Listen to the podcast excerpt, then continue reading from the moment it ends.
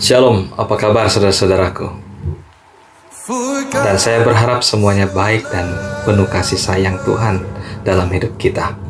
Hari ini saya akan membawakan sebuah renungan yang sungguh luar biasa, ayat yang sering kita dengarkan, dan ayat ini mungkin sudah kita hafalkan di dalam kehidupan kita.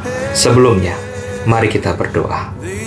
Tuhan Bapa di surga, hadirlah bersama kami ketika kami ingin merenungkan firman-Mu. Karena kami percaya kuasa Tuhan bersama dengan kami. Berkat dari firman-Mu akan mengalir dalam hidup kami. Di dalam nama Tuhan Yesus kami berdoa. Amin.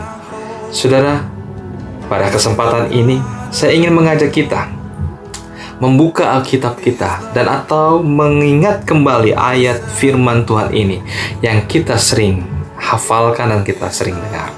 Di dalam Yohanes 3 ayat 16 dikatakan, Karena begitu besar kasih Allah akan dunia ini, sehingga ia mengaruniakan anaknya yang tunggal, supaya barang siapa yang percaya, tidak binasa, melainkan beroleh hidup yang kekal.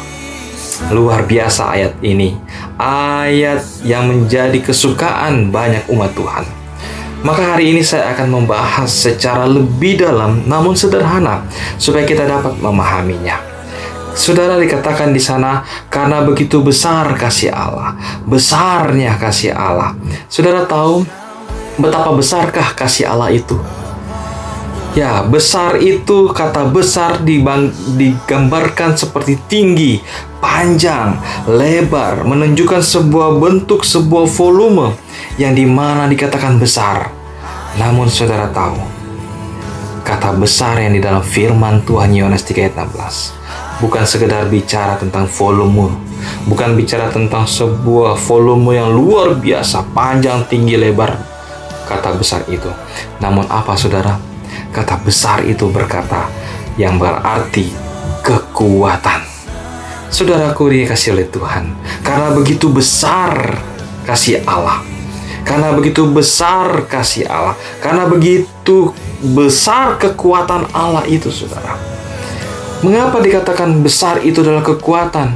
Karena karena begitu besar kasih Allah, kasih yang dikatakan di sini saudara-saudaraku adalah kasih bukan agape, tapi agapao. Agapao yang berarti bukan saja sekedar sifat, tapi ini kata kerja, saudara. Artinya bagaimana berbuat kasih, mengasihi. Dengan kata lain, saudara-saudaraku, di dalam Yohanes 3 ayat 16, karena begitu besar Allah mengasihi kita. Allah berbuat kasih kepada kita. Saya ingin menyimpulkan sederhana sekali. Ini kabar baik buat kita. Yaitu sungguh besar, sungguh luar biasa kekuatan Allah. Tak ada yang bisa menahan untuk dia berbuat, untuk dia melakukan kasihnya, menunjukkan kasihnya kepada kita. Itulah kasih Tuhan. Siapa kita?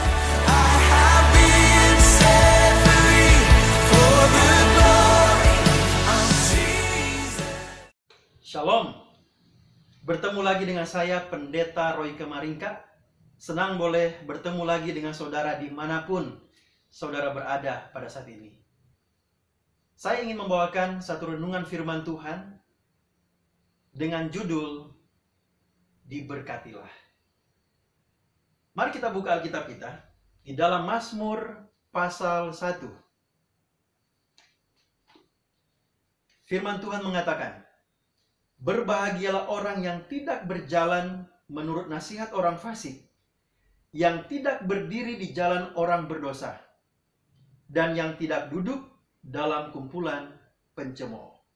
Tetapi yang kesukaannya ialah Taurat Tuhan, dan yang merenungkan Taurat itu siang dan malam. Ia seperti pohon yang ditanam di tepi aliran air, yang menghasilkan buahnya pada musimnya, dan yang tidak layu daunnya, apa saja yang diperbuatnya berhasil. Bukan demikian orang fasik.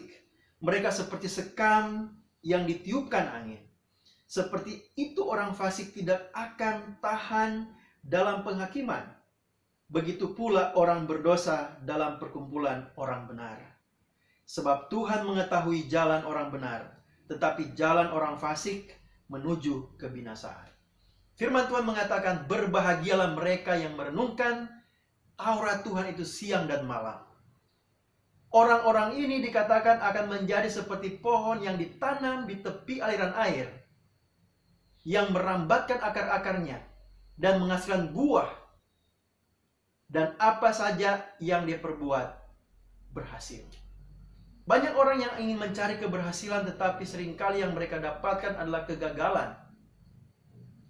Ada apa sehingga kita sering gagal?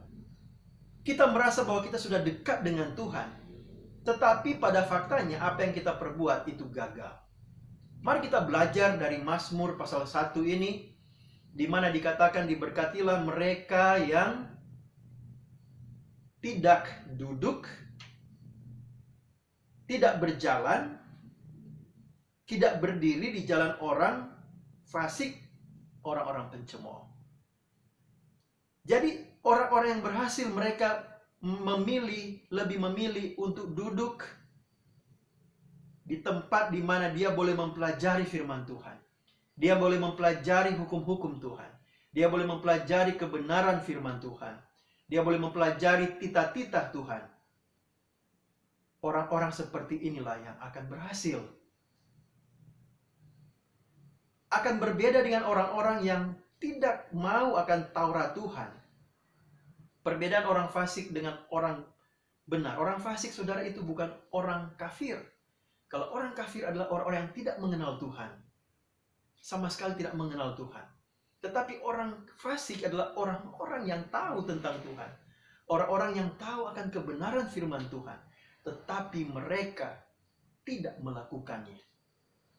Orang-orang seperti inilah yang seperti sekam. Dikatakan sekam sudah tahu, sekam itu kalau kita lihat dari jauh, dia seperti padi. Tetapi sebenarnya dia adalah kulit padi, bukan padi.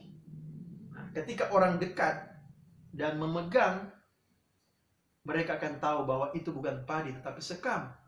Dan sekam itu ringan, dapat diterbangkan ke sana kemari.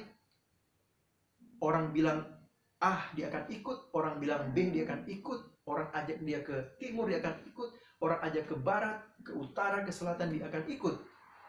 Tidak ada pendirian. Tetapi orang-orang yang merenungkan firman Tuhan, mereka memiliki pendirian.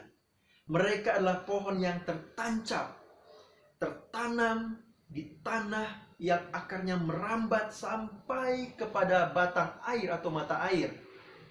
Yang mana dalam yes, uh, Yeremia 17 katakan bahwa orang-orang seperti ini mereka walaupun panas terik tetap akan hijau daunnya, tetap akan berbuah.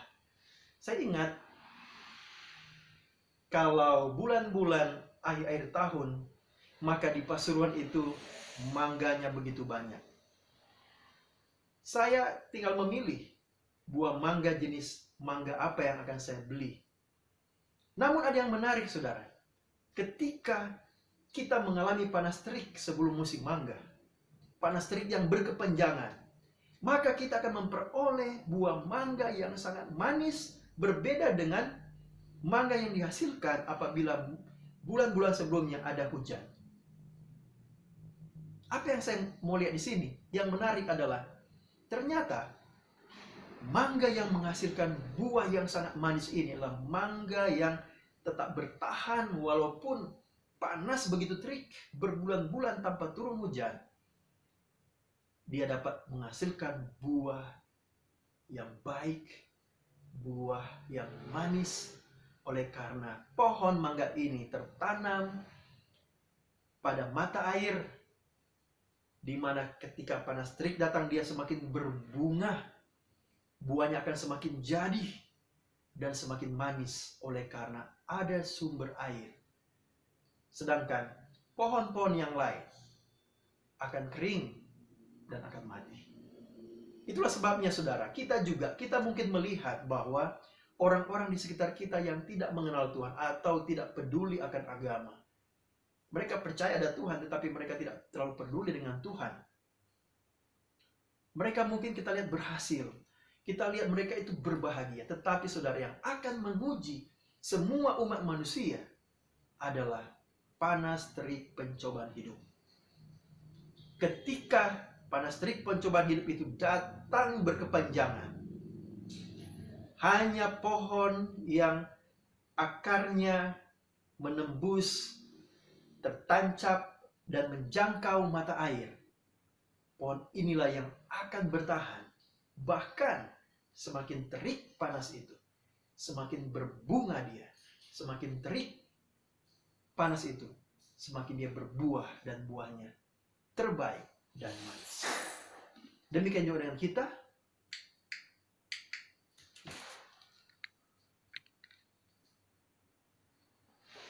Demikian juga dengan kita, kita dapat berbuah manis dan bertahan dalam pencobaan apa pun yang kita hadapi. Oleh karena kita bersama dengan Tuhan.